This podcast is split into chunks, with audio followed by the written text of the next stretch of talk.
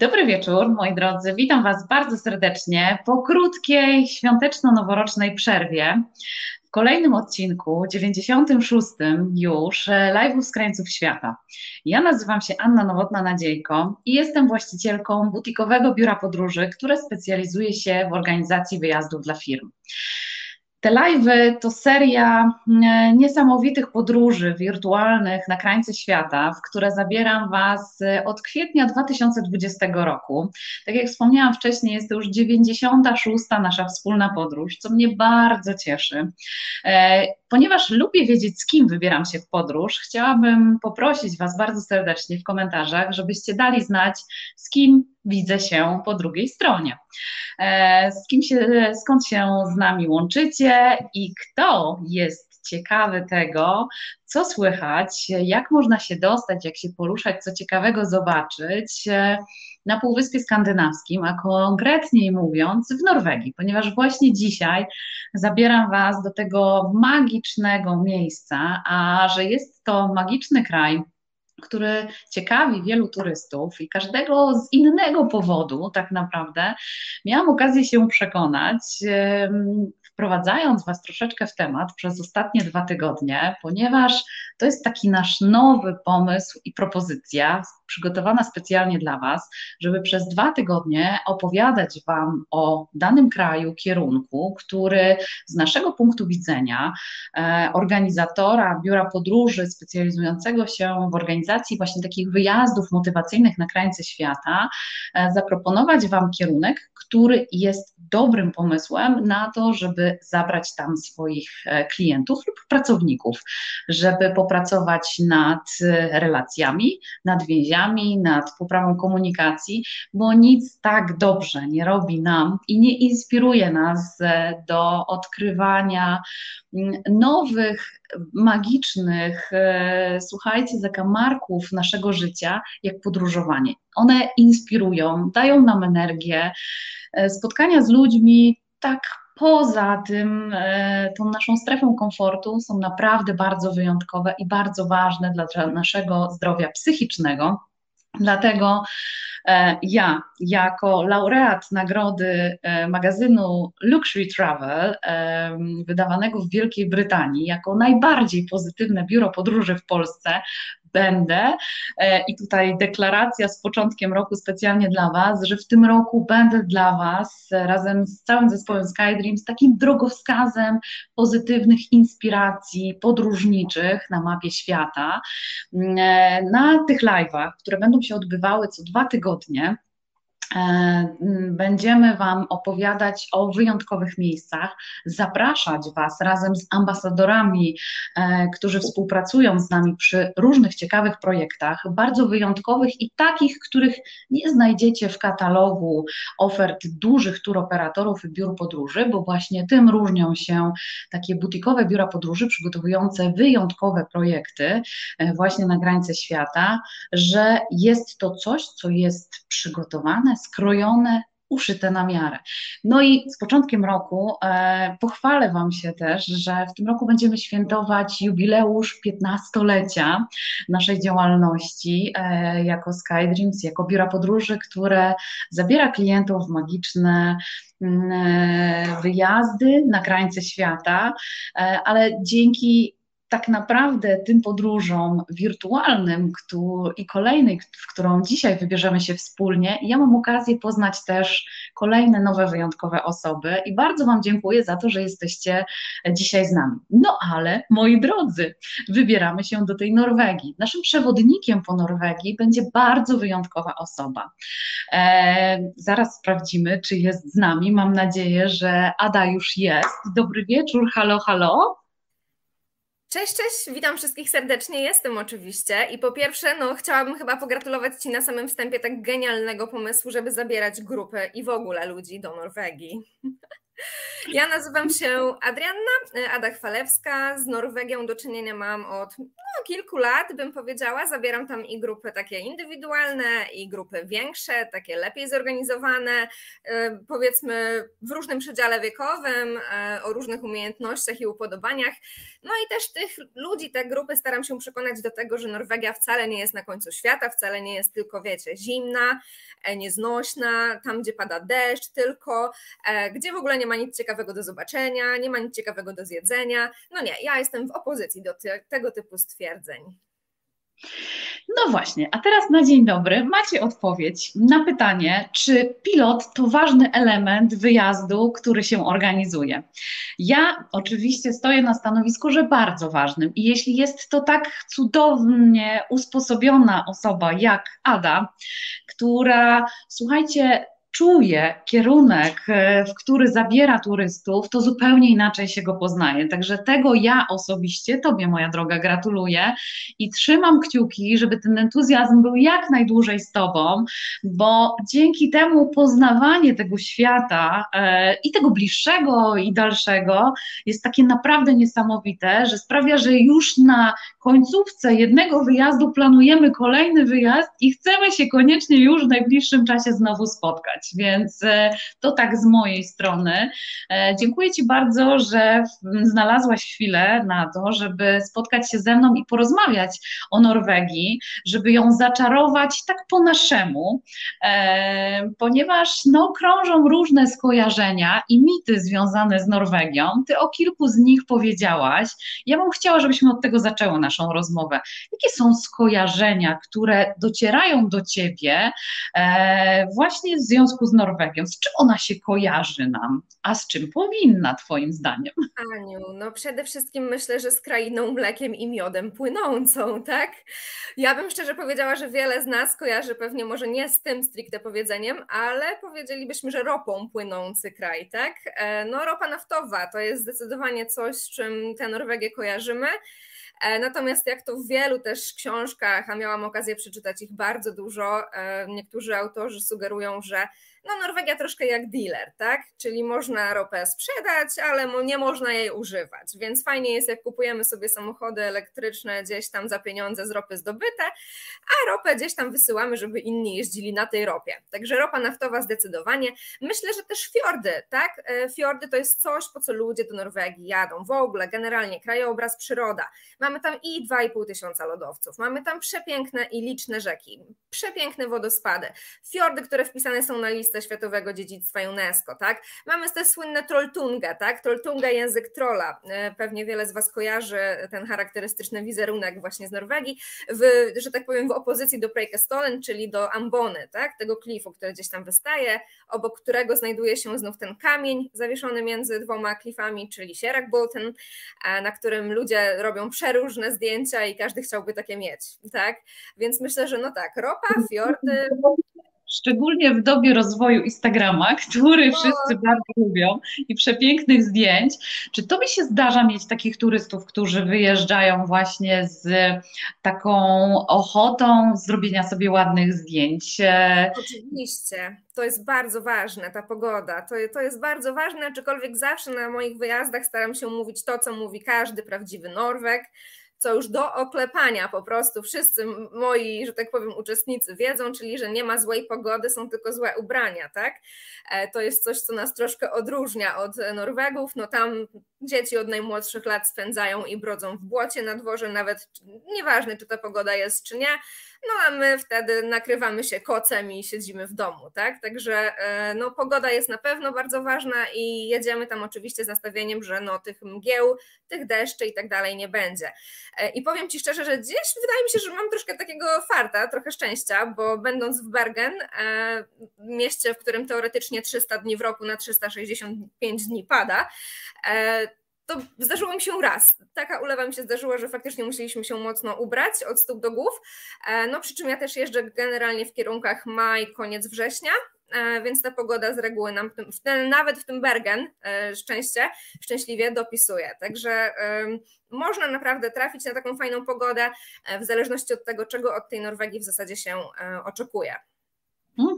No dobrze, to zacznijmy od początku. Jak do tej Norwegii można się dostać? W ogóle gdzie ona leży? Bo niektórym się wydaje, tak jak powiedziałaś na samym początku, że to jest kraniec świata, już na pewno Europy i w ogóle tam się dostać to jest całkiem niezła wyprawa.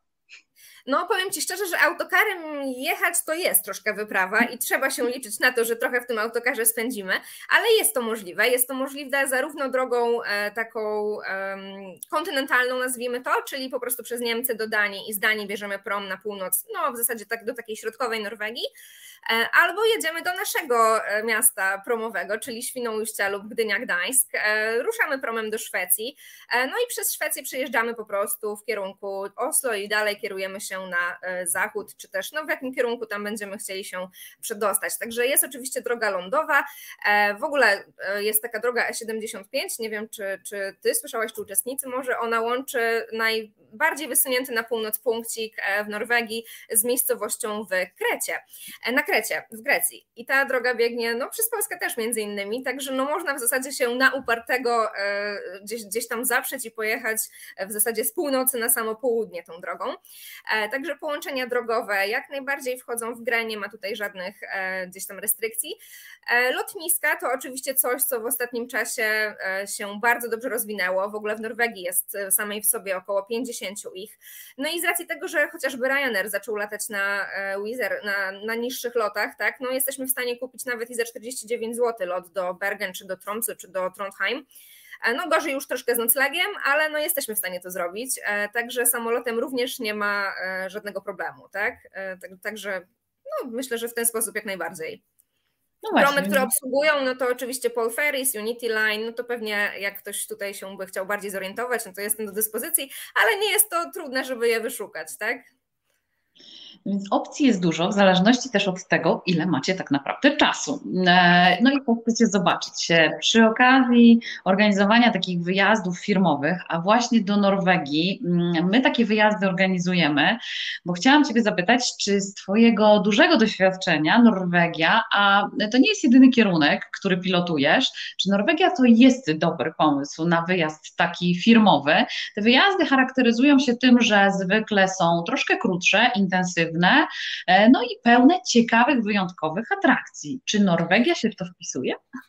Oczywiście, że tak. To, to, to w ogóle genialny pomysł. W zależności od tego, co dana grupa, że tak powiem, lubi robić i jakie atrakcje ty w programie dla nich przewidzisz, E, no to można iść i zarówno w stronę kulturalną, czyli zwiedzać przeróżne muzea, bo są przeróżne udogodnienia, zniżki i możliwości. Można nawet wybrać się do opery w Oslo, która jest no, przepięknym budynkiem, dostał wiele nagród architektonicznych, e, także warto też tam wejść do środka, stanąć. E, natomiast bardziej takie, bo wjazdy incentive kojarzą mi się i są raczej wyjazdami właśnie tak jak wspomniałaś na samym początku, związane z relacjami, z takim wzmacnianiem troszeczkę grupy, gdzieś tam umacnianiem jej więzi i tak dalej. I myślę, że genialnymi e, tak, genialnym miejscem do robienia tego typu rzeczy jest w zasadzie północ. E, I ja bym powiedziała, że to, co znajduje się od Bergen na północ, tym bardziej będzie incentywowe, tak? E, no bo spotkamy się tam i z psimi, i z psimi zaprzęgami, różnego rodzaju konkursy są organizowane. Możemy przekroczyć koło podbiegunowe wspólnie i dostajemy wtedy wszyscy wspólnie jakiś tam dyplom, e, no bo jest to możliwe. Paszport Paszport taki tak, tak. Możemy szukać na fotosafari orek, pływając po prostu po wodzie. No naprawdę, no jest jest, jest sporo możliwości, także y, jak najbardziej ta, ta Norwegia. Możemy y, udać się z pływem e, albo wędkować, zrobić sobie konkursy wędkowania. To jest ostatnio bardzo popularne. E, jest to ograniczone też prawnie, no bo tam, żeby, żeby móc wędkować, trzeba mieć oczywiście e, swoje karty, tam fiskę kortę i tak dalej, ale dla turystów to jest organizowane oczywiście przez miejscowe osoby, przez jakieś agencje i jak najbardziej no możliwe. Tak? Nie można tego wywieźć, ale można złowić sobie. Także to wędkowanie, te wszelkiego rodzaju spływy, super. E, świetnym w ogóle momentem na to, żeby ruszyć do Norwegii. Ja jestem po prostu na fali gdzieś tam Samów i Laponii, bo ostatnio dużo książek dostałam. Kasia, jeśli oglądasz, to Cię pozdrawiam. E, I no, w lutym na przykład organizowany jest wielki jeden tydzień taki samski, bo oni wtedy obchodzą swój dzień sama e, i wtedy odbywa się takie huczne, taki huczny, tradycyjny targ, wtedy właśnie te psie zaprzęgi, wtedy te renifery, to wszystko jest w jednym miejscu, to jest koło Tromso i no tam faktycznie można różnego rodzaju zajęcia z tymi samami odbyć jako grupa, więc e, nawet przygotowywanie bidosu, czyli tak jakby nie mylić z bigosem, to nie bigos, bidos to jest taka gęsta, bardzo pożywna zupa z, z renifera i to wtedy też można podczas tego typu spotkań gdzieś tam sobie zorganizować, także no jak najbardziej. Ja się z Tobą zgadzam, podpisuję się pod tym wszystkim, więc e, jeśli Norwegia jakkolwiek krąży wam, wam po głowie i zastanawiacie się, co tam ciekawego można zrobić, e, czy zabrać tam swoich klientów, to pamiętajcie, żeby się do nas e, koniecznie odezwać. E, więc wiemy już, jak się dostać e, do Norwegii. Opcji jest wiele, w zależności od tego, ile mamy czasu.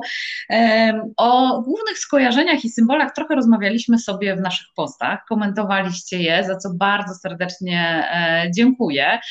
Zdjęcia Ady, które wrzuciłam Wam w zapowiedzi do dzisiejszego live'a, potwierdzają, że Wasze skojarzenia były jak najbardziej trafne, bo pojawiały się tam zorze polarne, pojawiały się trole, pojawiały się fiordy, więc wszystko to mogliście zobaczyć na zdjęciach jako potwierdzenie licznych i fantastycznych wypraw, w których właśnie uczestniczyła Ada. Co ciekawego można robić w Norwegii? E, troszeczkę sobie o tym powiedziałyśmy, bo jest to kraj zarówno dla tych osób, które lubią aktywnie spędzać czas, powiedziałyśmy sobie też o skałach, e, które, które mm, bez problemu i wspinaczkach słynnych, e, które w Norwegii też można uprawiać, ale zanim o tym sobie powiemy, chciałabym, bo troszeczkę napomknęłaś o tym, kiedy do tej Norwegii pojechać, tak żeby ta pogoda była taka sprzyjająca, tak. czyli taka, jaką lubimy najbardziej bardziej. Więc e, Ada, odkryj trochę karty i powiedz e, w swoich licznych podróżach, jakie ci tam wnioski nasuwają w związku z tą pogodą? E, no po pierwsze, wszyscy muszą wybrać się ze mną, wtedy nie będzie padało nawet w Bergen. Po drugie, po drugie, myślę, że no ten maj, e, koniec września jest jak najbardziej w porządku, przy czym wrzesień już jest ewidentnie no, chłodniejszy, wtedy już te mgły się pojawiają, wtedy tych wodospadów, które gdzieś tam w programie mam, e, te wodospady no nie zawsze widać, e, także myślę, że ten powiedzmy czerwiec, lipiec, sierpień to jest taki bardzo no, taki rozchwytywany termin, natomiast no tutaj, tutaj też to pytanie jest bardzo ogólne, bo to zależy czego od tej Norwegii oczekujemy, tak, wiadomo, że zimą będziemy mieli inne atrakcje i zdecydowanie inny nasz pogląd, że tak powiem, na ten kraj będzie. E, wtedy ruszymy na stoki. Tak? Norwegia ma naprawdę dużo, ma około 30 tysięcy tras. To jest jakieś ja wiem, trzy razy, może dwa razy z Norwegii do Australii, więc jest ich tam dużo, jest tam co robić zimą. No przez letnie, że tak powiem, wędrówki, a z uwagi na prawo, które tam funkcjonuje, czyli to tak zwane najkrótsze prawo w Europie, Almansretten, e, które mówi, że możemy rozbić namiot w zasadzie gdziekolwiek, że natura należy po prostu do człowieka, no to w tym lecie zarówno rodziny, jak i lokalne, jak i turyści ruszają po prostu różnymi szlakami i jest ich tam naprawdę dużo, są świetnie przygotowane, e, można się wspinać, nawet słynna droga Ada, tak? No. Mam taką propozycję. Ty, kochana, opowiadaj, a my mamy taką niespodziankę, bo przygotowałyśmy krótką prezentację dla Was, żebyście mogli sobie zwizualizować to, o czym mówi Ada, a będzie tego jeszcze trochę. Także słuchajcie, czekajcie. No i obiecuję, że dzisiaj też mamy przygotowany dla Was konkurs, więc bądźcie z nami koniecznie do końca. to my się przełączamy, a ty, kochana, opowiadaj dalej. O zimie, Dobrze. skończyłyśmy na zimie. Tak, skończyłyśmy na zimie, na lecie w zasadzie już, e, na lecie. E, także w, w to lato jak najbardziej, że tak powiem, no te wędrówki piesze, e, to, to ta, ta w ogóle wspinaczka jest tam szeroko, no znaczy no bardzo popularna, tak? Bardzo dużo ludzi się na to decyduje. Wtedy też widać, jak dużo jest kamperów na drodze w ogóle lokalnej ludności. Oni też bardzo lubią swój kraj, doceniają właśnie te, te, te krajobrazy, które chociażby teraz tutaj Ania wam, e, wam podsuwa, żebyście troszkę przenieśli się w ten świat. E, jeżeli chodzi o jesień, no to jak najbardziej również mamy przepiękne krajobrazy, więc jeżeli ktoś lubi jesień, no to polecam wybrać się do parków narodowych, e, chociażby na przykład Rondane. Tam jest, to jest park, który jest pierwszym parkiem narodowym w Norwegii. W latach 60. XX wieku powstał. Tam możemy spotkać renifery, na przykład dziko żyjące. Jest też park narodowy, Zone, zapomniałam teraz nazwy, przepraszam, tam gdzie żyją woły piżmowe. To jest zwierzę, które jest troszkę podobne do naszego żubra, ale też można je spotkać, więc ta jesień również potrafi naprawdę oczarować i, i że tak powiem, rozkochać wszelkiego rodzaju no, osoby, które gdzieś tam szukają tej natury i bliskości, a moim zdaniem to w Norwegii jest najpiękniejsze i najcenniejsze, tak? No bo pójście do muzeów w zasadzie, pójść do muzeów możemy w zasadzie o każdej porze roku. Nieważne, czy to będzie lato, czy jesień, a tych muzeów też Norwegia ma sporo, czy to związanych z wyprawami e, statkiem Fram, czy wikingów, czy właśnie opery, czy jakieś Griegshallen e, w Bergen, no przeróżne, przeróżne, tak? E, także lato. No ja jestem zwolenniczką lata, chyba, że właśnie zima, no to jak najbardziej narty i w okolice Jajlo bardzo lubię, można ruszyć ruszyć i zobaczyć właśnie to zjawisko, które teraz mamy na ekranie, mm, bo to jest taki teraz czas, kiedy e, widać e, to zjawisko w postaci zorzy polarnej, kiedy niebo jest takie bardzo kolorowe nad nami, e, wyjątkowe. No jest to jeden z powodów, dla których warto między innymi do Norwegii właśnie się wybrać, żeby ją zobaczyć, bo jest to zjawisko bardzo wyjątkowe. Wtedy właśnie idziemy w późno spać, czy wcześnie wstajemy? Jak to jest, Ada, z tą zorzą polarną?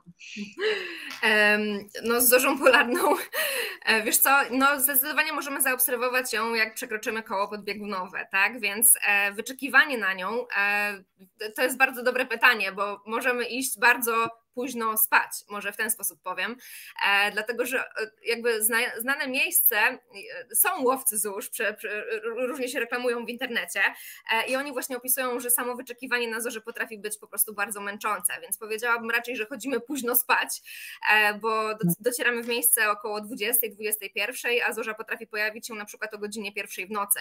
I oczywiście czas spędzony przed oczekiwaniem jest spędzany miło, bo przy ognisku, przy muzyce, przy jakimś tam, nie wiem, no może grillowaniu, jeżeli ktoś ma chęć, bo te pulse to w Norwegii jest też bardzo popularne. E, w ogóle mam taką anegdotkę też o tym pulse. E, kiedyś poszłam do sklepu e, i chciałam być, bo się uczę tego norweskiego gdzieś tam i chciałam być taka otwarta i w ogóle i mówię do pani kasjerki, że tak, ja poproszę to pulse. A ona tak się na mnie patrzy i mówi, ale jakie, ale jak to? Ja mówię, no że pulsę, że, że bag, że reklamówkę, a ona mi na to mówi, a, bo wiesz, to, to jest to samo co parówka i ty właśnie powiedziałeś, że poprosiłaś parówkę, kiełbasę, a nie wcale, że reklamówkę. I ja powiem ci, że do tej pory mam problem z wymówieniem tego pulse, polse, pulse, prawda? No ale nieważne, język norweski też charakterystyczny. E, także raczej bym powiedziała, że ten czas spędzony jest sympatycznie przy ognisku i raczej późno chodzimy spać. No zdecydowanie, czyli na takich wyjazdach, które my organizujemy, to zupełna norma, także Zorza jak najbardziej jest dobrym pomysłem. Wspomniałaś trochę o języku. E, właśnie, jak my się możemy dogadać w tej Norwegii? Czy ta znajomość języka norweskiego to takie must have, czy jednak e, da się dogadać w jakimś innym obcym języku? Absolutnie nie jest y, must have, jeżeli nie chcesz tam pracować. Teraz już coraz więcej ludzi, że tak powiem, wy, wy, wy, jadąc do Norwegii w, jakby w celu pracy, no, decyduję się nauczyć tego języka, dlatego że jest nas tam bardzo dużo. E, jesteśmy na tyle liczni, że na lotniskach w Bergen i w Oslo mamy napis po polsku, że nas witają, co się rzadko zdarza w świecie. Zawsze płaczemy, że nie ma polskiej flagi i nie ma nic po polsku, a w Norwegii jest, e, bo jest nas tam po prostu dużo i w ten sposób gdzieś tam nas doceniają, e, jako pracowników również. Natomiast ten rynek stał się na tyle atrakcyjny dla, dla Polaków, dla naszych rodaków i zresztą w ogóle Europy tutaj środkowo, środkowej, środkowo-wschodniej, że ten język norweski norweski jest wymagany. Niemniej jak jedziemy jako turyści, no to ten norweski nie jest wcale tak e, potrzebny, bo wszyscy 99,9% ludności w Norwegii mówi doskonale w języku angielskim. E, I co śmieszniejsze, e, język norweski on się dzieli na dwie odmiany, tak? Mamy nynoszk i mamy bukmol. Nynoszk to jest taki język, który jest tak zwanym nowonorweskim, czyli po prostu był pan, który jeździł po różnych gminach, po różnych wioskach, no i spisywał wszystko, co się od tej ludności dowiedział. A bukmal to jest taki język, język, który został e, opracowany na bazie e, języka duńskiego. I początkowo to on był takim językiem e, książkowym, reprezentowanym, nazwijmy to, przez klasę wyższą. Ten nynosz był takim językiem wiejskim. No i dwóch panów oczywiście wtedy kłóciło się bardzo, który język ma być tym oficjalnym. No a Norwegia przecież spory uwielbia, nie bez powodu mówi się, że powinna pojechać na Bliski Wschód, wtedy w ogóle wszystko, wszędzie zapanowałby pokój, tak, tak lubi spory. Po prostu uznała, że dwa będą oficjalne i dwa są uznane uznawane, dała po prostu możliwość każdej gminie wyboru tego, przy czym większość deklaruje się i mm, decyduje na ten język Bukmal, czyli ten, którego baza pochodzi od języka duńskiego. Nie jest on potrzebny, jest moim zdaniem dość językiem prostym, jeżeli chodzi o gramatykę, natomiast właśnie tak jak mówię, trudno się z nimi komunikować, e, jeżeli ktoś się tego języka zaczyna uczyć, bo oni od razu to wyczuwają i bardzo chętnie przechodzą na język angielski. Więc nieważne, czy spytam kogoś, czy ma, mają w kuchni ser żółty, bo tego akurat się nauczyłam i fajnie by było tutaj się ten, e, podnieść sobie ego, e, no to oni przyjdą po prostu na język angielski, tak? Co śmieszniejsze też między sobą, jeżeli jest osoba, a tego byłam świadkiem w ogóle w, w Oslo, właśnie w hotelu. Oslo w ogóle czytamy jako uszlo, więc to też jest ciekawe, bo u, o w norweskim to U. Na przykład jeansy, no to będą Ula Bukse, czyli spodnie Oli, nazwijmy to Ula Bukse, bo w Norwegii też jest Rada Języka Norweskiego, która bardzo dba o to, żeby nie było zapożyczeń, tak? E, także taksi, pizza, no to generalnie to są, mają odpowiedniki swoje w języku e, norweskim. E, I po prostu wtedy, wracając do historii, dwóch panów spotkanych w, w recepcji, Norwegów, przeszło i ze, przyszło na język angielski i ze sobą nawzajem rozmawiali w, języku, w języku angielskim. O, to jest właśnie ten sierak ten, ten kamień między dwoma klifami, tak, to jest obok tego stolem, wszyscy tam zdjęcia ślubne robią. Matko, kiedyś jak wezmę ślub, to, to też chyba polecę. Widzisz, jaka to jest e, magia. O, to jest e. miejsce. To, które zdjęcie przed chwilką było, to powiem Ci, że e, ono zostało bardzo, że tak powiem, zrewitalizowane w rok temu, w sierpniu. E, to jest przy wodospadzie e, i e, szczerze mówiąc podjechaliśmy tam z grupą, to taka anegdotka też i nie wiedziałam zupełnie jak tam dojść, po prostu stanęłam tam gdzie zawsze na parkingu, a się okazało, że dosłownie kilometr dalej jest przepiękna ścieżka, można w ogóle stanąć nad tym wodospadem wręcz. I zamiast 15 minut spędziliśmy tam chyba godzinę, półtorej, kierowca to myślałam, że mnie wiesz, zabije, ale miejsce świetnie zrobione. Norwegia dba, dba o to, żeby ta infrastruktura do zwiedzania była, przy czym bardzo dużo szlaków po prostu zostało zostawia, my byśmy w Polsce powiedzieli na dziko, tak? Czyli taka, mhm. jaka jest, po takiej się chodzi. Znaczy, wspomniałaś też o bardzo ciekawym wątku e, związanym z poznawaniem Norwegii kamperami. To jest też bardzo popularna forma turystyki, e, w ogóle w Skandynawii, ale w Norwegii bardzo, bardzo e, wyjątkowo. E, fajna, ciekawa, ja ją osobiście polecam zarówno grupie znajomych, którzy się wybierają i są tacy otwarci na różne ciekawe doznania i nie do końca dobrze się czują w hotelach, a lubią swobodę i, i, i możliwość właśnie zatrzymania się tam, gdzie akurat czują positive vibes, a z drugiej drugiej strony jest to też genialna forma dla rodzin z dziećmi. E, polecam Wam bardzo serdecznie, przetestowałam z moimi dzieciakami, uwielbiają jeździć na wypady kamperami. E, dla rodziców też nie jest to w żaden sposób stresujące, wszystko mamy pod ręką, w zależności od tego, jak się zmienia pogoda, a w takich miejscach jak Norwegia potrafi się zmienić dość dynamicznie, to po prostu wpada się do kampera, bierze się to, co jest potrzebne, albo zostawia to, co jest niepotrzebne i rusza się dalej. Także super fan, e, bardzo, bardzo polecam tą formę turystyki. No i właśnie, jak my się możemy po tej Norwegii, słuchaj, przemieszczać? Czy są drogi? Jak to w ogóle wygląda? Bo to, że są dzikie szlaki, e, to jest myślę, że bardzo fajne i pozytywne, bo to daje nam taką odrobinę tego, że nie wszystko jest takie e, sztuczne, że, że, że jest ten taki kawałek i ta możliwość właśnie poznania natury taki dla siebie, dla każdego e, trochę inny sposób. Jak ktoś lubi odkrywać, to zejdzie tam kawałek e, sobie i poszuka tej swojej ścieżki, prawda? Tak, i zawsze jakąś znajdzie. Ja kiedyś poszłam na, w góry, nocowałam w miejscowości Donbas e, i spotkałam Chińczyków. I ci Chińczycy po prostu mieli manię robienia zdjęć. Przy okazji ja mam genialną sesję, naprawdę, z tego szlaku swojego, niby prywatnego. E, wiesz co, no po Norwegii możemy przemieszczać się na, e, na różne sposoby, no bo to tak jak powiedziałam, Norwegia ma 50 lotnisk około, więc jak najbardziej można przylecieć sobie samolotem, żeby ten czas sobie skrócić przejazdu. Chociaż ja polecam po Norwegii jeździć. Drogi mają ok, e, przy czym zadałaś mi pytanie, jak się przemieszczać po Norwegii, i pierwsze, co przyszło mi do głowy, to odpowiedź wolno.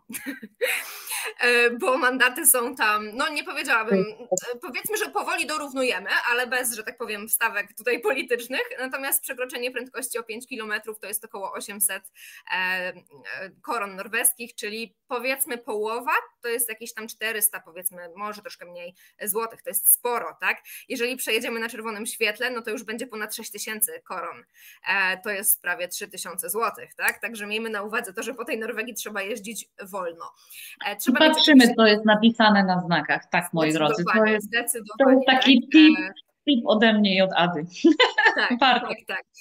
E, możemy e, kolejami też, jak najbardziej. E, Norwegia w latach, w 1850 roku mniej więcej została wydana taka dyrektywa, taki, taki, takie, taki wniosek został zasądzony przez inżynierów różnych i architektów, że w Norwegii sieć kolejowa w ogóle nie ma prawa istnieć z uwagi na ukształtowanie powierzchni po prostu, tak? Dużo granitu, obszary polodowcowe, czyli no, teren trudny do zrobienia czegoś z nim, tak? Nie dość, że do uprawy dla ludzi, to jeszcze komunikacja no po prostu była pod wielkim znakiem zapytania. E, niemniej cztery lata później Norwegowie oczywiście, jak to oni się zawzięli i, i udowodnili całemu światu i sobie nawzajem, że można to zrobić i zostało otwarte, zostało otwarte pierwsze połączenie, czyli Bergen-Oslo. E, to jest no, przepiękna trasa, e, bilet na ten pociąg oscyluje nawet wokół tysiąca koron, więc spory wydatek, to jest 7 godzin podróży. No i zabiera nas przez ponad bodajże 200 mostów różnych, 200 takich tunelów, y, nie 200 mostów, tylko właśnie 200 tunelów. E, także te, te sieci kolejowe są, jak na Norwegię jest ich około 3000, także jak najbardziej też można się nimi e, przemieszczać, gdzieś tam komunikować. No i drogi, drogi też mają wspaniale rozwinięte. E, no i jest jeszcze jedna opcja, czyli słynny system Hurtigruten. On został otwarty w połowie XIX mm, wieku, w połowie XIX wieku i początkowo służył do przewożenia żywności, do przewożenia poczty po prostu z, z południa na północ. E, w tym momencie też trasa została udostępniona turystom. E, w ogóle mieli takie hasło reklamowe swoje, że jeżeli nie zobaczysz zorzy podczas tego rejsu, no to w ogóle zwracamy ci pieniądze.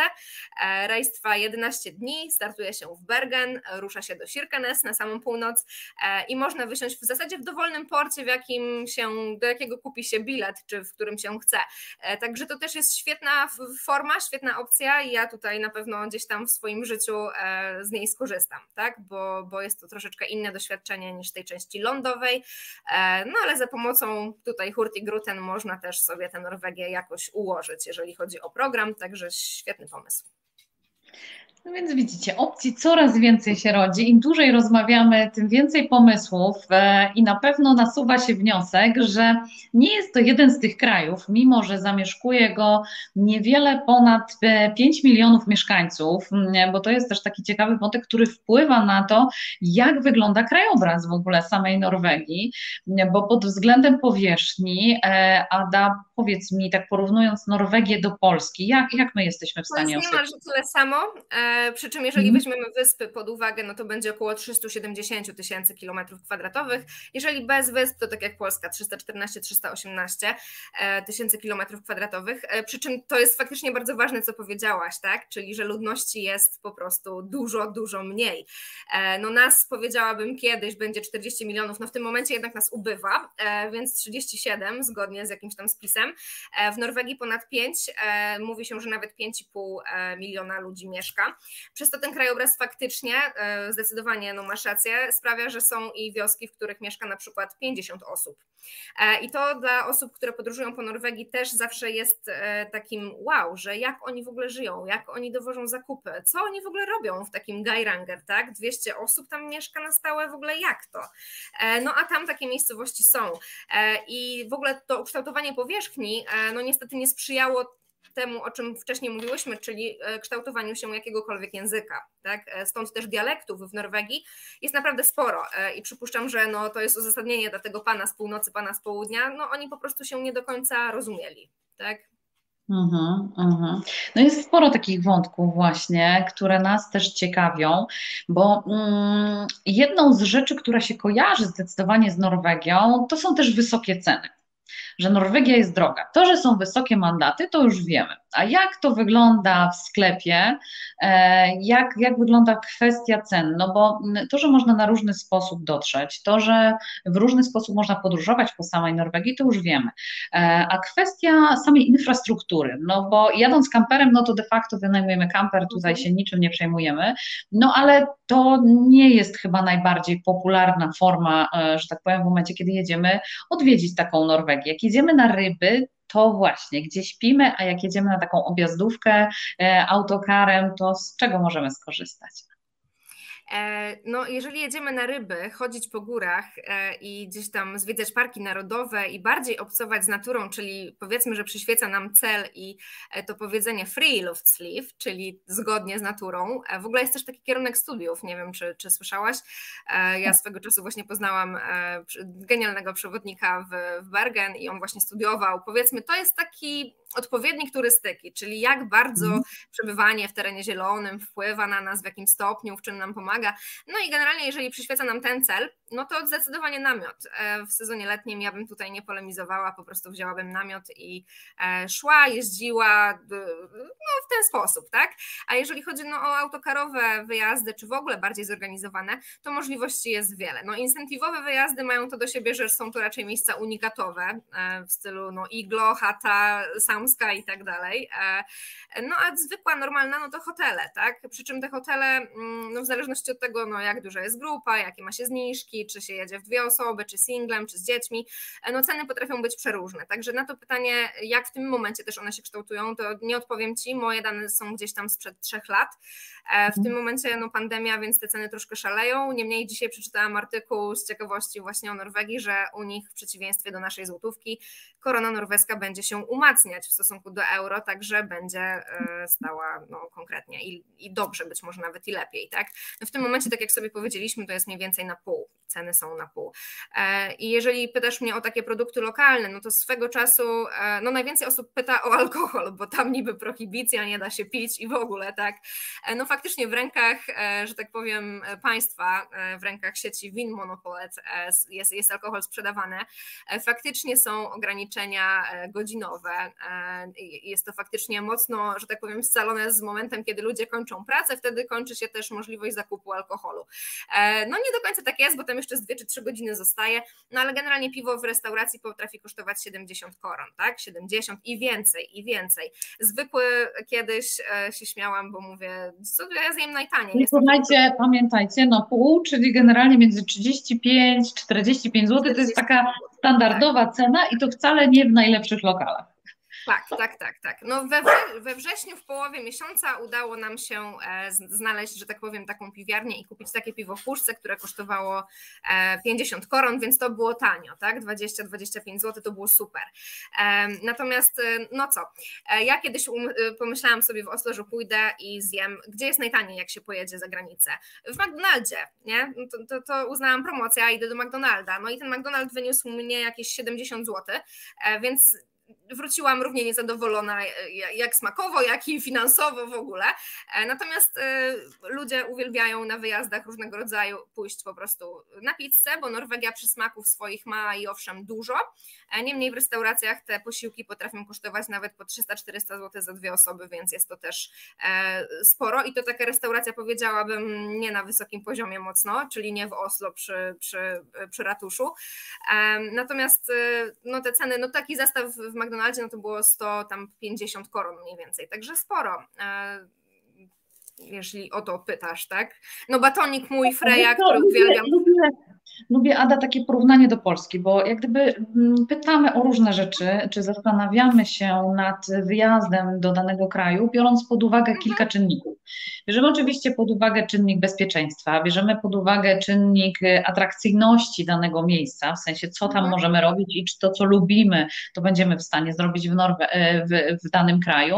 Mm, no ale kolejne czynniki to są te związane, no bo to, że lot kosztuje 50 zł, to wcale nie tak, oznacza, tak, że na tak, miejscu też będzie tanio, o czym już wielu naszych rodaków zdążyło się przekonać, więc w związku z tym lubię o to zawsze zapytać, tak żeby mieć gdzieś tam pewną świadomość, bo czasami są kierunki, które z natury wydają się, że po prostu będzie jakiś kosmos totalny cenowy, ale wcale tak nie jest.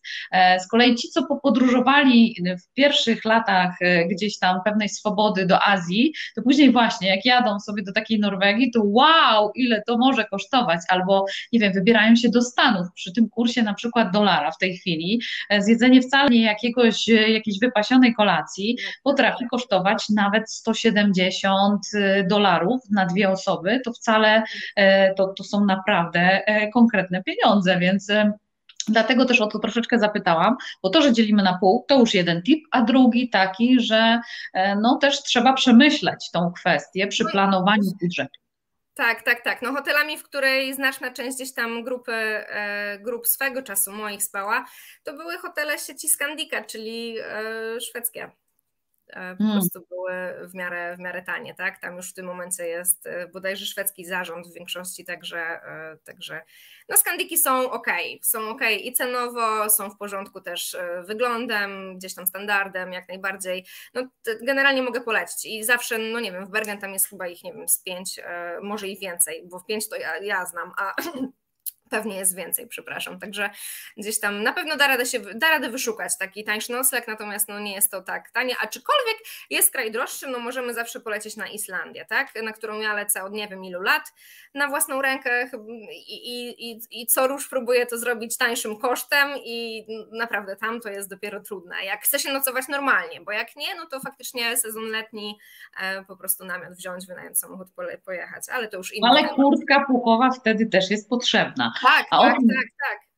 Ale wiesz, no w Norwegii też, w Norwegii też, bo ja potrafiłam w Oslo stać i, i płynąć promem na plażę, na taką wysepkę pod, e, pod miastem, żeby móc trochę zobaczyć tę ludność lokalną i tam sobie poczytać książkę chwilę.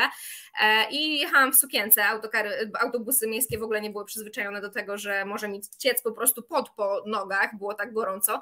E, a dosłownie chwilę później, trzy dni później trafiłam na płaskowyż, gdzie no, nałożyłam kurtkę swoją puchową, na szczęście taką, wiesz, co się pakuje w ten sposób, ale zawsze ją przy sobie mam, e, dlatego że no tam naprawdę bywa pogoda i zmiana temperatur różna. Ja też zawsze gdzieś tam klientom mówię, że dziś jest ok, można się ubrać tak, nie wiem, krótki rękawek, długie spodnie, ale jutro rano jak wstaniemy i wyjeżdżamy między siódmą a ósmą, no to będzie naprawdę zimno, także generalnie autogar będzie zimny, proszę sobie też wziąć tam kurtkę, bluzę, bo to się przyda, tak, także no, trzeba być przygotowanym. Dobre ubrania zestaw, że tak powiem, słuchajcie, rzeczy na cały rok, tak się trzeba przygotować. Na całe szczęście my w tej chwili, tak jak Ada powiedziała, mamy możliwość, e, słuchajcie, spakowania sobie takich rzeczy, które są ciepłe, a zajmują niewiele miejsca, tak.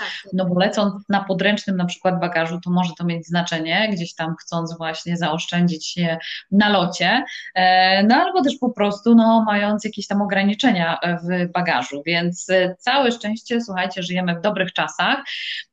No właśnie, właśnie, a na tyle dobrych, że mm, chciałabym Was zainspirować, e, oczywiście tymi naszymi rozmowami live też, e, do tego, żeby poznawać świat, e, że, żeby war, że warto podróżować.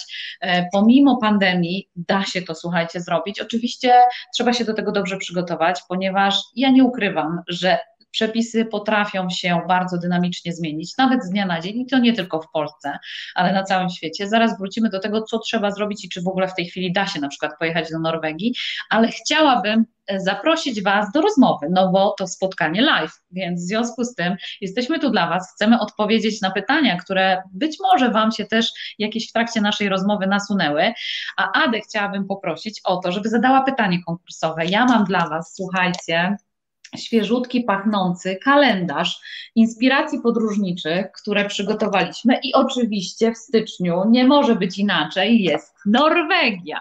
Więc żeby Wam się dobrze kojarzyło z naszym dzisiejszym spotkaniem i z moim fantastycznym gościem, to dla zwycięzcy, który, uwaga, udostępni nasz live i dwa, poprawnie odpowie jako pierwszy e, na pytanie konkursowe, które właśnie zada Ada.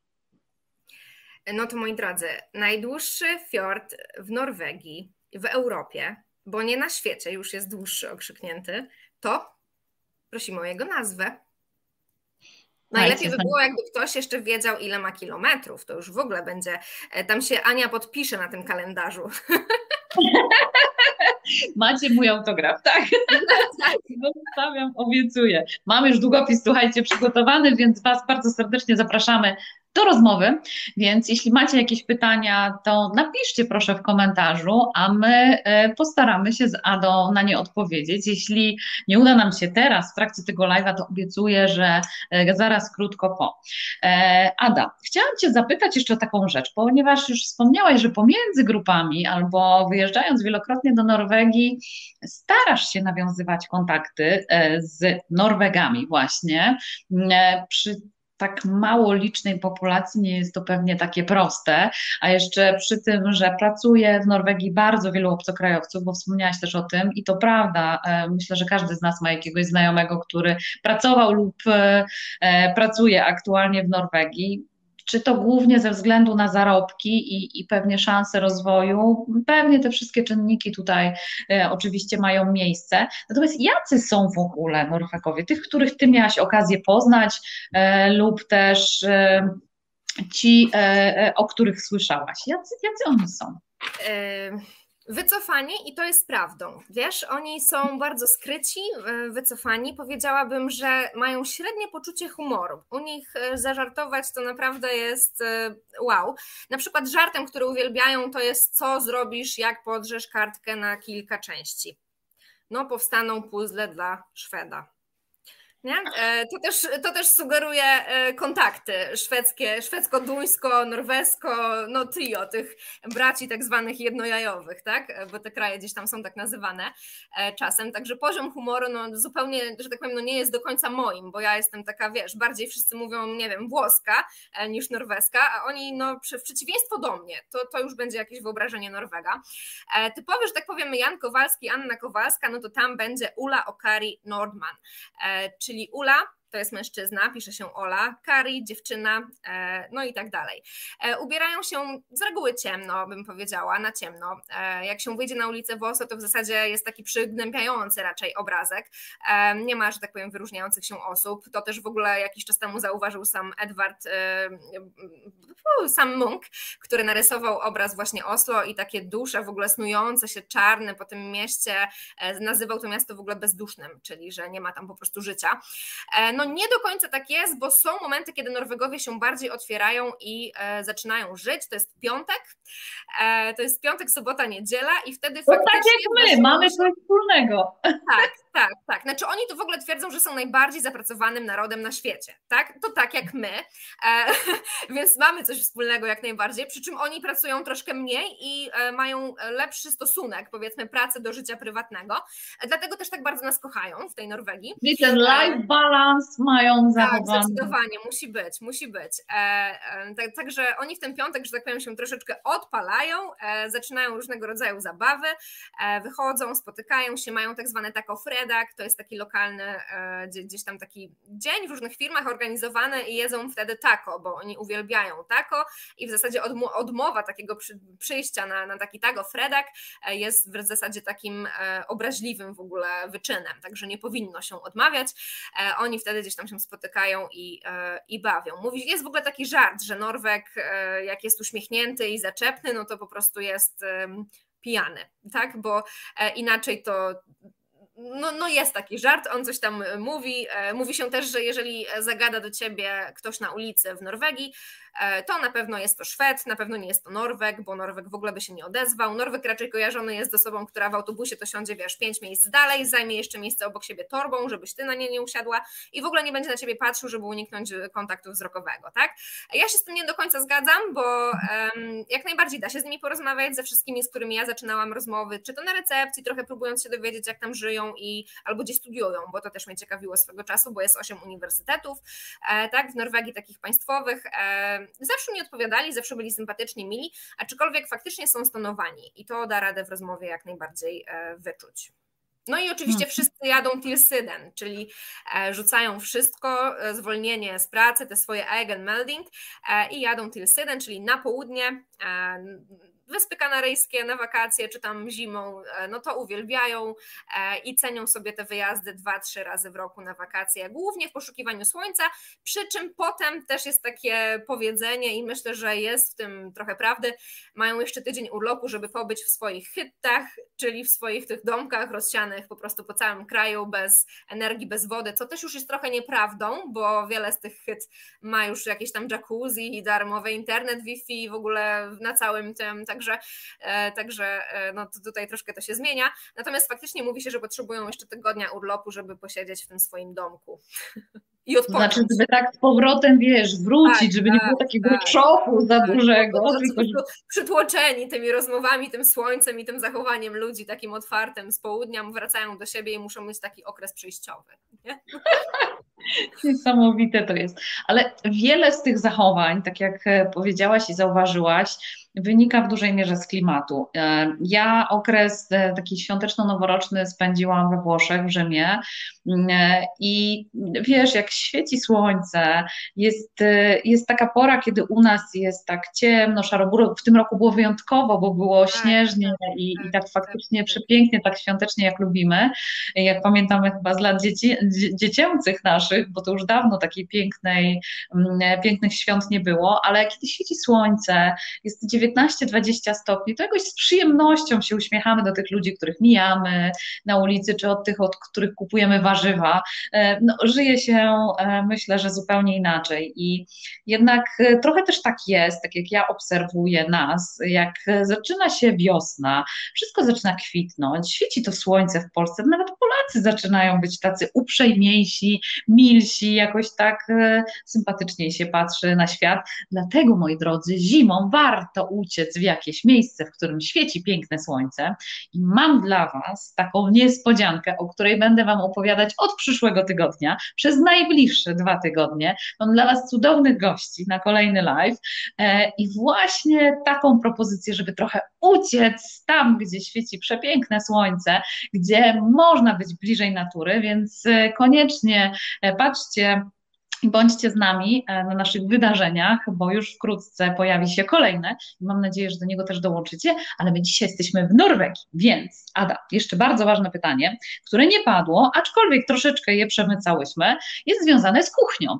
Jak jedziemy do tej Norwegii, to co my tam w ogóle zjemy? I czy my jemy właśnie w restauracjach? Norwedzy jedzą raczej w domu, przygotowują.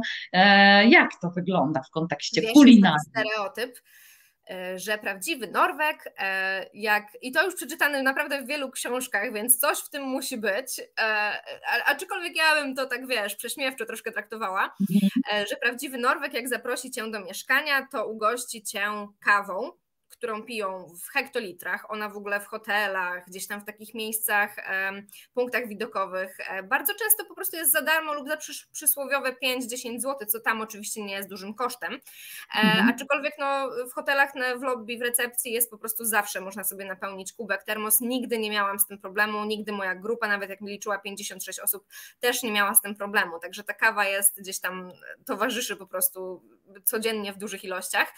Mm, i poczęstujecie do tej kawy pizzą mrożoną najlepiej, e, grandiosą, nie wiem czy, czy, czy kojarzysz, oczywiście, najlepiej taką, która będzie miała na sobie cebulę, serek śmietankowy i, i, i jakieś inne dziwne w ogóle smaki dla nas. E, natomiast to jest oczywiście żart, niemniej faktycznie pizza grandiosa jest bardzo często kupowanym produktem przez Norwegów i chętnie jedzonym e, w ich, że tak powiem, czasie wolnym w ich domu, na ich spotkaniach i tak dalej.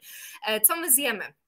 Chrupkie pieczywo e, to jest coś, co w Norwegii króluje, e, jest bardzo popularne. Oni do swojego tego matpakę, które robią sobie i do pracy, i dzieciom do szkoły, pakują po prostu kanapki, zdrową żywność. E, swego czasu był też głośny taki filmik dotyczący tego, że jakiś tam gangster nie zapakował dziecku jabłka do szkoły, no i że zabrali mu dziecko, tak? Bo z tym też Norwegia się oczywiście kojarzy, z tym, że zabierają dzieci.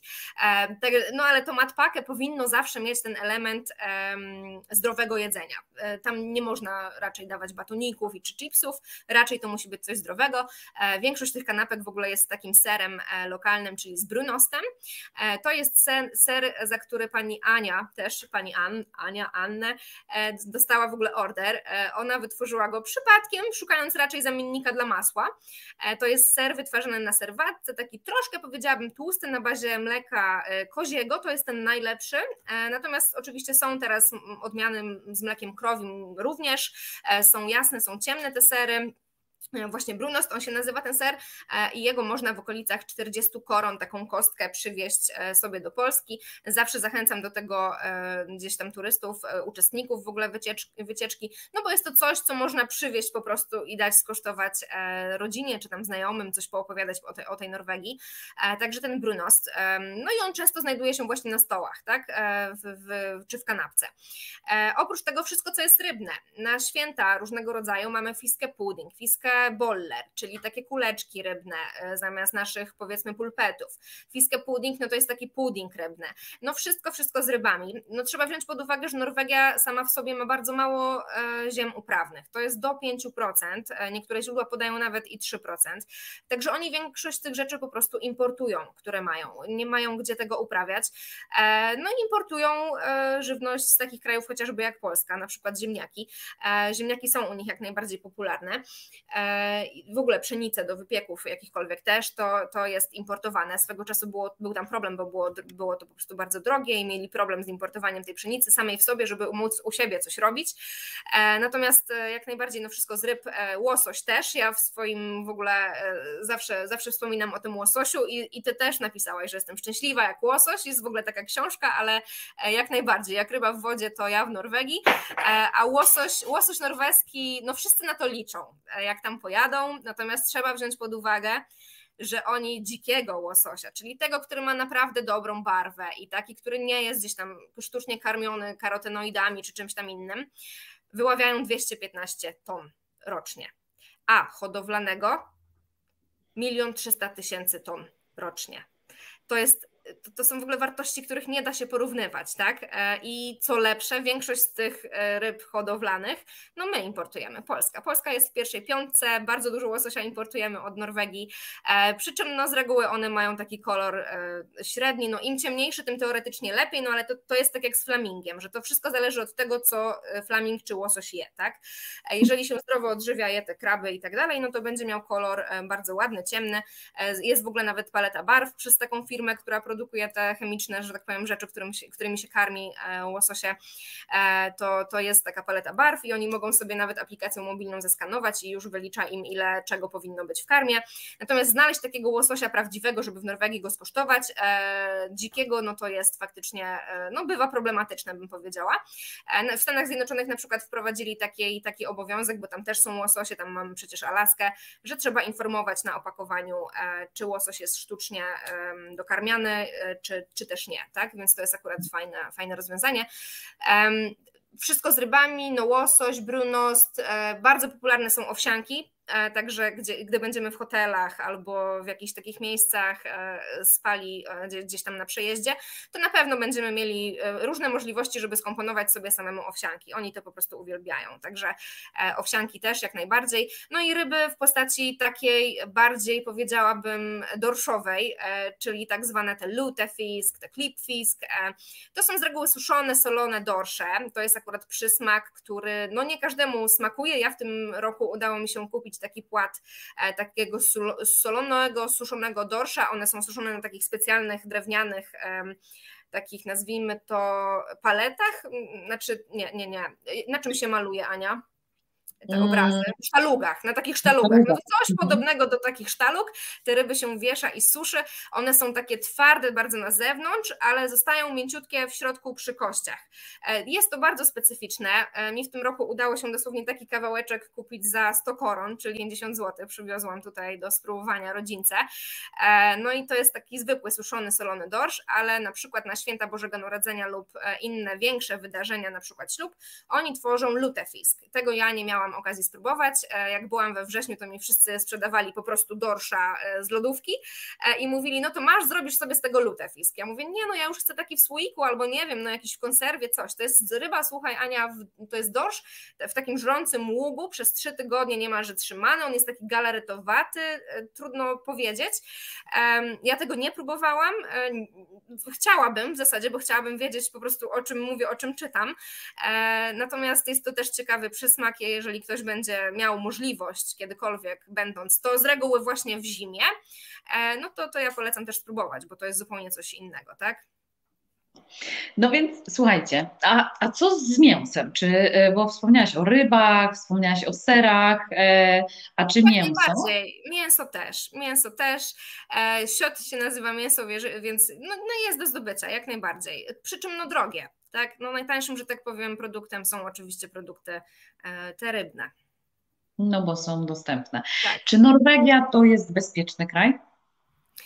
E, tak, jak najbardziej. Ja bym powiedziała, że tak. E, swego czasu nawet czytałam taką taką ideę, że planują wprowadzić, no nie dość, że obrót bezgotówkowy, no to jedno, ale planują też wprowadzić kamery, które będą rejestrowały człowieka po chodzie. Więc generalnie mają wszystko zrobione tak, żeby było jak najbardziej, że tak powiem, żeby jak najbardziej inwigilować ludzi i żeby niby dać im złudne poczucie bezpieczeństwa, tak? Ale Norwegia krajem bezpiecznym jest. Jest to prawo Almansretten, które pozwala nam nocować w zasadzie wszędzie. Jeżeli dłużej niż jedną noc i jest to odległość 150 metrów od e, gospodarstwa domowego, no to trzeba zapytać po prostu osobę, e, nie ma z tym żadnego problemu. Trzeba uważać tylko od 15 maja do mniej więcej 15 września na pożary, wtedy zabrania się tych ognisk e, różnych. Jeżeli ktoś tego nie zrobi, no to my też będziemy bezpieczni na swoim biwaku. No i uważać na zwierzęta, tak? W górach są przeróżne instrukcje, co zrobić, jak się spotka renifera, co zrobić, jak się spotka woła piżmowego i tak dalej, i tak dalej. Jeżeli chodzi o kradzieże czy tego typu rzeczy, to raczej bym powiedziała, że być może centra miast, takie jak Oslo i okolice dworca bankowego, dworca, przepraszam, głównego, które ja osobiście no niekoniecznie lubię, e, no to, to, to inne miasta kojarzą mi się i e, podróżuję po nich, czy to jest 12 w nocy, czy to jest 6 rano, że tak powiem, sama po spacerach, e, nie ma z tym żadnego problemu, tak? Także jak najbardziej. Ja w Norwegii osobiście czuję się bezpiecznie. Super, bardzo Ci za to dziękuję, bo to bardzo ważne. Ja to jestem ciekawa, czy nasi widzowie poprawnie odpowiedzieli na Twoje pytanie konkursowe. Myślę, że to dobry moment na to, żeby to sprawdzić, e, więc e, spróbujemy wczytać się w komentarze. Zobaczmy, czy pojawiły się jakieś poprawne odpowiedzi mm, e, naszych widzów. Mhm, napięcie rośnie, słuchajcie, my jesteśmy tu bardzo ciekawe, jak to wygląda. Zobaczmy, zobaczmy. Oho. Czyżbyśmy mieli mały problem z komentarzami? No, chyba tak, wiesz, chyba tak. Chyba tak. No dobrze, to słuchajcie, wrócimy do tego tematu jeszcze w takim razie e, z tymi komentarzami. E, słuchaj, e, Ada, powiedz mi w takim razie, co warto na pamiątkę przywieźć z Norwegii? To pytanie. Um już ser, to wiemy, że ser. Pojedziesz, tak, ser, ser, tak, zdecydowanie. Um, wiesz co, ja jestem takim nietypowym turystą, bo nie przywożę ze sobą raczej gdzieś tam figurek albo tego typu rzeczy. Ja ze swojej pierwszej wyprawy do Norwegii przywiozłam książkę po norwesku kupioną w sklepie na przecenie, więc to, to była moja, że tak powiem, e, pamiątka. To, co na pewno warto kupić i co ja kupuję, będąc na przykład w czerwcu na święta Bożego Narodzenia w prezencie swojej rodzinie, no to są e, kurtki i e, rękawiczki, rękawiczki, czapki, szaliki. Wiesz, są takie punkty, w których naprawdę można je dostać dość e, tanio. No rękawiczki za 100 koron, czyli 50 zł, naprawdę cieplutkie, takie z wełny, no to jest uważam, że tak powiem, no okazja i naprawdę można e, sobie na to pozwolić. E, kurtki takie puchowe, zwykłe, takie Scandinavian Explorer albo coś tam innego rodzaju, można kupić nawet za 400 koron, czyli powiedzmy nasze 200 zł, chociaż te ceny ich akurat w ogóle tych kurtek oscylują wokół 800, 800-600 koron, więc powiedzmy połowa 200-300 zł mniej więcej i to są rzeczy, o które faktycznie faktycznie e, gdzieś tam moi uczestnicy wycieczek pytali e, i zawsze zdarzyła się na, oso- na wycieczce osoba, która po prostu takie, taką kurtkę, rękawiczkę, czapkę czy coś innego po prostu do ubrania sobie e, sprawiła, tak? No ja już pomijam oczywiście magnesy, figurki troli, jakiś tam huldr, bo huldra to jest, wiesz, żona trola, która ma ogon, no i zwabia jak te syreny, nie wiem, Odyseusza, tak? Gdzieś tam tych mężczyzn ich kusi, potem zrzuca z przepaści i w ogóle jest, jest dużo baśni. Norwegia to też kraj baśni, wiesz, baśni różnych mhm. takich przypowieści, większość o tym, jak to sobie, jak się robić, jak robić, żeby się nie narobić. E, gdzieś tam taki e, American, American Dream e, sugerują te, te przypowieści, ale jest ich sporo. Także ja tego typu rzeczy gdzieś tam nie kupuję, ale te trole to są tak charakterystyczne, że no każdy z nich coś ma. Nawet ja przemyciłam poduszkę, także no, zdarzyło się. Wszelkiego rodzaju, jeżeli jesteśmy a propos kuchni też Ci powiem, brunost, jak najbardziej, suszone kawałki mięsa, różnego rodzaju kiełbaski. Tylko tutaj trzeba sprawdzać jakby zwracać uwagę na to, zwłaszcza będąc w Bergen, który słynie z tego Fiska Torget, e, czyli z tego targu rybnego, na to, ile zawartości czego jest w tej kiełbasce, tak? Bo tam bardzo mhm. często spotkać możemy gdzieś tam e, panów, e, panie z Azji, które sprzedają różne, różnego rodzaju tego takie wyroby, no i nie do końca te procenty nam się wtedy, że tak powiem, zgadzają, ale to też warto przywieźć, warto sobie spróbować. Wszelkiego rodzaju pasty. Oni bardzo uwielbiają pasty, słuchaj, one są pakowane tak jak nasze pasty do zębów. E, no i tam na przykład jest kawior. Tak, oni uwielbiają i to jest coś, czego nie ma u nas w Polsce. To jest powiedzmy odpowiednik naszych almette albo takich serków, wiesz, do smarowania mm. kanapki. E, przy czym smaki mają przeróżne, e, więc gdzieś tam taką jedną, dwie pasty ja też zawsze przemycę. Z, jeżeli chodzi o wyroby jeszcze takie kuchenne, no bo w tę stronę zauważyłam, że jest taki trend, gdzieś tam to idzie, żeby przywieźć coś, co można fizycznie skonsumować, pokazać, gdzieś tam sobie tak. po wyjeździe użyć. No to są na przykład dżemy z maliny morożki, tak? To jest e, dżem e, Molta, on będzie się nazywał. E, to jest malina, która w Polsce nie jest na tyle popularna, a w Norwegii jest, robi się z niej dżemy. Ona jest, powiedziałabym, słodko-kwaśna. I słodko-kwaśna to jest doskonałe połączenie, bo w Norwegii słono-słodki smak też jest. I te, to jest głównie w czekoladowych wyrobach, wiesz, można, można tego spróbować. Są takie smasze na przykład, takie rurki, um, znaczy takie, takie gwizdki, jakby one są słodko-słone właśnie, więc jak zjesz, masz taki dziwny posmak i na początku ci to w ogóle nie smakuje, a potem jednak siedzisz w autokarze i zjesz całą paczkę. Na tym to się kończy. E, wszelkiego rodzaju wyroby. Mm, takie batoniki, na przykład jak Lunch Quick, to jest coś takiego jak nasz WW e, batonik, taki wiesz, herbatnikowy oblany mm. czekoladą, to oni zawsze biorą te quick lunche na wyjazdy. I kiedyś właśnie siedziałam w pociągu nawet i zwróciłam uwagę, że rodzinka, która jedzie gdzieś tam e, tym, tym pociągiem z flam do góry, ma właśnie te quick lunche ze sobą. To jest coś, co ja też przywożę, no bo nie wiem w zasadzie czemu. Chyba dlatego, że norweskie, nie wiem. Ale smaczne takie po prostu batoniki. A Freya znów, e, Freya też ma swoje że tak powiem, to, to jest też przysmak i to też polecam zawsze kupić, to jest taki batonik z galaretką, e, no ale z kuchni to powiedzmy tyle, a a propos ubrań to jeszcze wiesz co są te swetry charakterystyczne, one są bardzo drogie, więc e, w Norwegii no 3000 koron, 4000 koron, to jest, to jest norma za taki sweter, e, ja swego czasu za namową po prostu gdzieś tam przewodników z Norwegii zaczęłam szukać tego na stronach internetowych typu, nie wiem, Etsy czy tam Etsy, jak to się tam szuka, no i można znaleźć się troszkę taniej faktycznie, e, norweskie. E, natomiast te swetry oryginalne są, no mówię, drogie, są faktycznie. Zdarza się ktoś, kto, kto kupi i kto po to przyjechał z takim zamiarem i po prostu gdzieś tam sobie odłożył i wiedział, że one są tam i są dobre i chce taki sweter. No bo czy by się prała, nie wiem, 10 lat y, w pralce, to im się nic nie dzieje, tak? One nadal są takie, w takim stanie, w jakim kupiłaś je po raz pierwszy, e, założyłaś i są, no, no trzymają się, także to zdecydowanie można sobie przywieźć. Zgadza się. No tak to jest. No, za jakość trzeba zapłacić e, odpowiednią no tak, tak. cenę.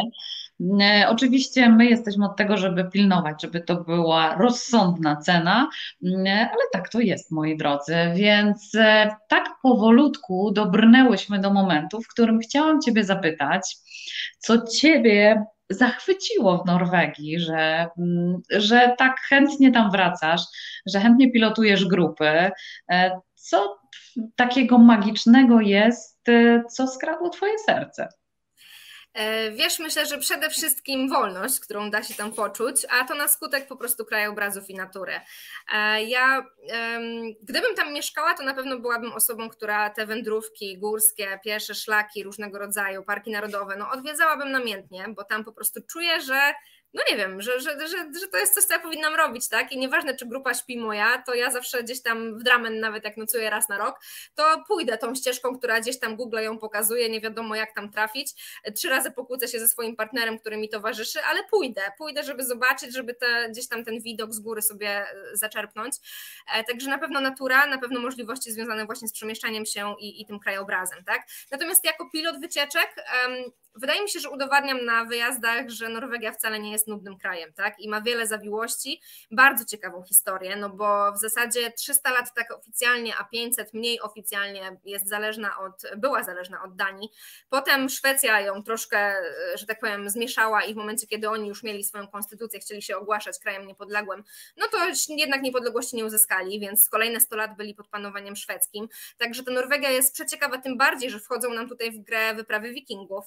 E, właśnie tego typu, no, no gdzieś tam, no każdy kojarzy też Norwegię właśnie z wikingami, no wcale nie jest to pan, który ma rogi i tak dalej, ale, ale, ale wikingowie jak najbardziej.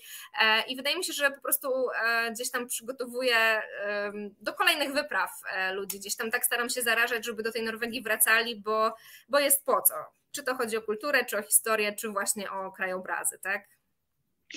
Pięknie Ci za to dziękuję. Najdłuższy fiord w Norwegii, o jednak się udało, e, ma 204 km.